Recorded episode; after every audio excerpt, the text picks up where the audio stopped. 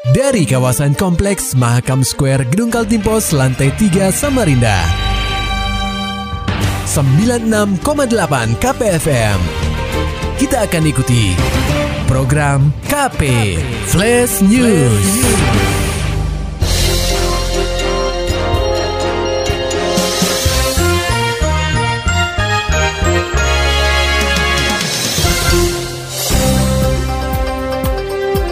Pendengar KP, terhitung sejak Senin 29 Juni hingga Kamis 2 Juli 2020 mendatang, Dinas Pendidikan dan Kebudayaan atau Disdikbud Kaltim membuka pendaftaran penerimaan peserta didik baru atau PPDB untuk siswa SMA dan SMK tahun ajaran 2020-2021. Berikutnya, pengumuman lulus seleksi jalur zonasi SMA akan disampaikan pada 3 Juli 2020.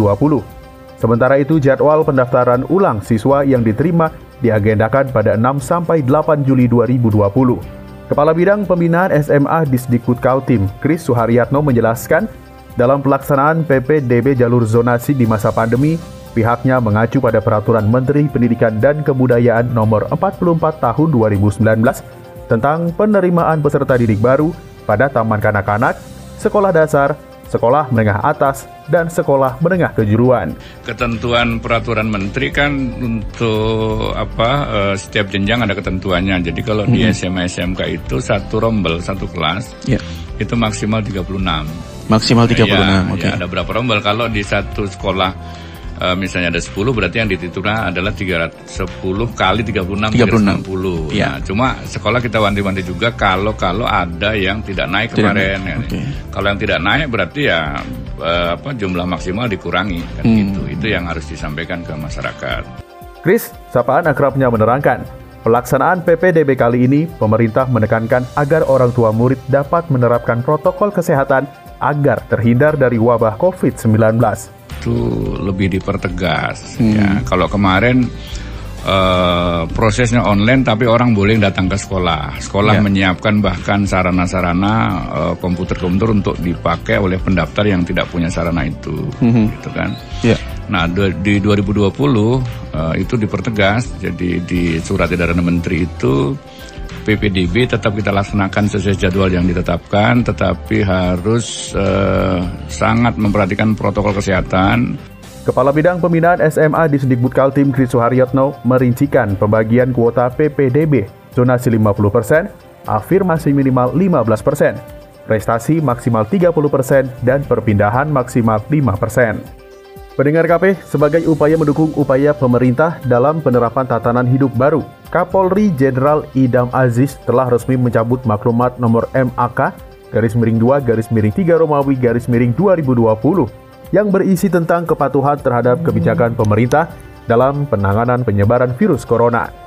Secara otomatis larangan untuk mengundang keramaian yang tercantum dalam maklumat tersebut telah gugur dan tidak dapat menjadi acuan lagi. Meskipun begitu, masyarakat harus tetap patuh terhadap protokol kesehatan guna terhindar dari infeksi virus corona.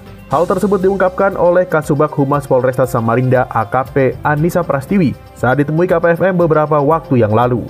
Namun dirinya belum bisa memastikan apakah sudah diperkenankan untuk menyelenggarakan kegiatan yang mengundang banyak masa. Uh, terkait izin keramaian, sepertinya ada di ada di tulisannya sudah kami share di IG itu ya Pak ya. Kalau terkait izin keramaian sendiri uh, kami belum mengetahui uh, pastinya infonya. Cuma kalau untuk pencabutan dari maklumat Kapolri, pencabutan apa uh, maklumat Kapolri itu memang sudah betul ada. Sama halnya dengan resepsi pernikahan, Anissa Prastiwi menyerahkan sepenuhnya hal tersebut kepada tim gugus tugas percepatan penanganan COVID-19 Kota Samarinda karena merekalah yang berhak menentukannya. Resepsi pernikahan itu uh, ada aturannya sendiri pak. Kalau nggak salah ada pembatasan berapa orang yang boleh hadir. Oh berarti jika jika diperbolehkan ya berarti dengan tetap dengan protokol kesehatan iya betul, betul. lebih lanjut Anissa Prastiwi terus memberikan imbauan kepada masyarakat agar selalu menerapkan protokol kesehatan selama beraktivitas di luar rumah karena wabah COVID-19 belum benar-benar mereda. Sementara itu pendengar KPFM, jelang penutupan PPDB jalur zonasi di jenjang SMA sederajat, masih banyak masyarakat yang kesulitan melakukan pendaftaran, sehingga mereka mendatangi langsung sekolah yang dituju. Laporan selengkapnya akan disampaikan oleh reporter KPFM Samarinda, Muhammad Nur Fajar. Pendengar KP, proses penerimaan peserta didik baru atau PPDB jalur zonasi di jenjang sekolah menengah atas atau SMA telah berlangsung sejak tanggal 27 Juni hingga 2 Juli 2020. Dalam pelaksanaannya, PPDB jalur zonasi sebenarnya menerapkan pendaftaran berbasis online. Namun, masih ada masyarakat yang belum memahami sistem tersebut, sehingga mereka mencoba menyambangi sekolah langsung seperti halnya di SMA Negeri 3 Samarinda.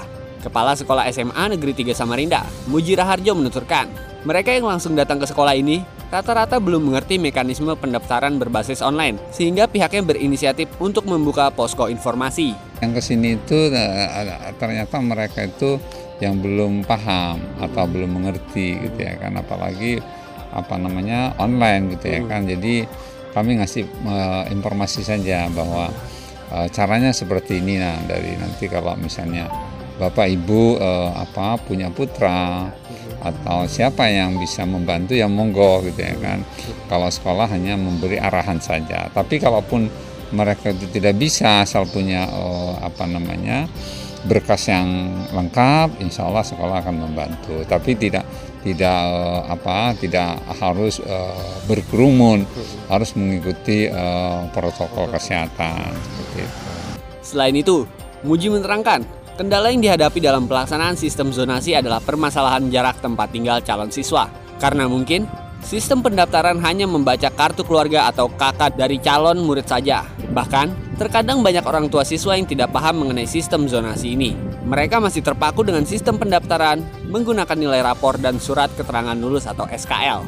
Kendalanya di jalur zonasi ini adalah uh, karena jarak ya, mungkin uh, sistem itu kan membaca kakak saja gitu ya kan terkadang masyarakat ini tidak paham terkadang masih uh, apa mendaftar apa namanya uh, menggunakan uh, apa nilai uh, yang ada di sekolah nilai raport nilai SKL gitu.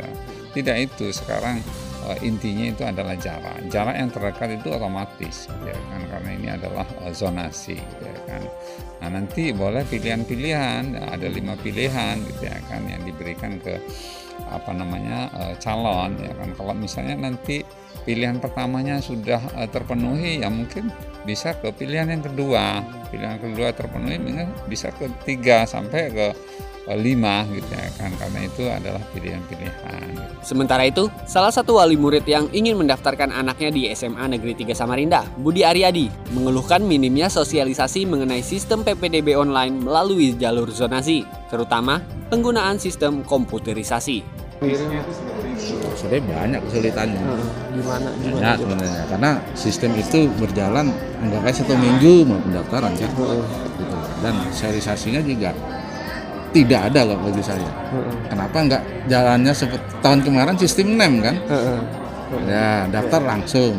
Masuk masalah covid sekarang dirubah ke sistem uh, komputerisasi. Budi membeberkan, sistem komputerisasi di Indonesia sendiri masih memiliki banyak permasalahan, sehingga terjadilah penumpukan calon pendaftar yang tidak dapat terhindarkan. Sekarang sistem kita kan tahu aja sistem kita bagaimana. Gitu. Nah, sekarang mau nggak mau akhirnya kan tetap muncul juga berkumpulnya orang. Kalau sistem uh, daftar sendiri dulu sistemnya kan bisa dihitung sekolah 50 dulu terima hari ini besok masih bisa lagi 50 kan begitu Sekedar informasi, SMA Negeri 3 Samarinda menyediakan 356 kursi untuk menampung peserta didik baru, di mana 50% di antaranya akan diterima melalui sistem zonasi. Sementara sisanya sudah terpenuhi saat proses PPDB di jalur afirmasi, pindahan, dan prestasi. KPFM Samarinda, Muhammad Nur Fajar melaporkan. Sementara itu, pendengar KPFM, meski Samarinda sedang berada di fase relaksasi pandemi COVID-19, tak lantas membuat latihan atlet-atlet Kaltim normal seperti sedia kala. Batasan-batasan dalam latihan masih diberlakukan sebagai bentuk menjalankan protokol kesehatan, seperti yang dilakukan tim panahan Kaltim.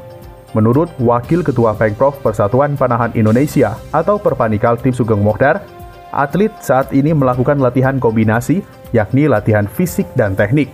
Untuk latihan fisik dilakukan di fitness Koni Kaltim, sementara latihan teknik dilakukan di tanah lapangan, semisal lapangan sepak bola. Jadi gini, uh, mereka ada hari-hari tertentu itu latihan fisik. Mm -hmm. Mereka latihan di fitness dan latihan di di lapangan.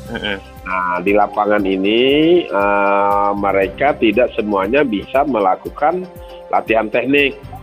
Ya, karena ya. lapangan utama yang ada di Sempaja itu kan tidak bisa dipakai. Tim Panahan selama ini berlatih di lapangan Panahan Kompleks Stadion Madia Sempaja. Namun, sejak merebaknya pandemi COVID-19 di kota tepian, pengelola stadion dalam hal ini Dispora menutup sementara seluruh kompleks stadion hingga batas waktu yang tidak ditentukan. Sugeng mengatakan, kabar yang dia terima kompleks stadion akan kembali dibuka pada 22 Juni sehingga mereka mencari uh, tanah lapang nah, yang bisa untuk tetap melakukan tembakan. Nah, tapi tidak semua atlet bisa melakukannya. Yeah. Terutama atlet yang uh, mereka rumahnya jauh daripada yang ada di Samarinda. Sugeng menyebut saat ini pihaknya menunggu keputusan untuk latihan bersama. Peringkat KP, juru bicara gugus tugas percepatan penanganan COVID-19 Kaltim Andi Muhammad Ishak mengatakan, pada Rabu 1 Juli 2020 penambahan kasus positif virus corona terjadi di satu daerah, yakni Balikpapan. Sebanyak 7 kasus positif COVID-19 tersebar di Balikpapan. Jumlah ini membuat angka kasus positif virus corona di benua Etam mencapai 525 sejak diumumkan Gubernur Kaltim Isra Nur pada 18 Maret 2020. Dalam laporan yang disampaikan Andi, juga memperlihatkan bahwa penularan COVID-19 masih didominasi orang tanpa gejala atau OTG dan sebagian pelaku perjalanan dari luar daerah menuju Provinsi Kaltim. Perkembangan dari hasil laboratorium COVID-19 yang terkonfirmasi COVID-19 hari ini ada penambahan sebanyak 7 kasus sehingga total yang terkonfirmasi berjumlah 525 kasus Seiring melonjaknya pasien positif, Andi yang juga menjabat PLT Kepala Dinas Kesehatan Provinsi Kaltim itu menyampaikan kasus sembuh COVID-19. Kasus sembuh melonjak pada hari ini, yaitu 15 kasus. Mereka diperbolehkan pulang berdasarkan dua kali hasil negatif uji swab dengan metode PCR. Seluruhan kasus uh, sembuh ini dinyatakan uh, sembuh karena sudah uh, dua kali hasil negatif dari pemeriksaan laboratorium COVID-19 dan dari hasil pemeriksaan secara klinis oleh dokter penanggung jawab pelayanan bersangkutan sudah menyatakan uh, secara klinis sudah sangat baik dan sudah tidak ada lagi gejala muncul. Dengan demikian jumlah pasien COVID-19 Kaltim ada 525 kasus per hari ini. Sementara pasien sembuh ada 400 orang dan meninggal dunia 7 orang. Sedangkan pasien dalam perawatan ada 118 orang.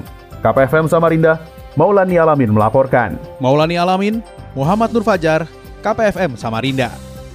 Serta dapatkan berita-berita selengkapnya di www.968kpfm.co.id. Demikian tadi telah kita simak rangkaian berita-berita yang terangkum dalam program KP Flash News. Persembahan dari 96,8 KPFM. Terima kasih dan sampai jumpa.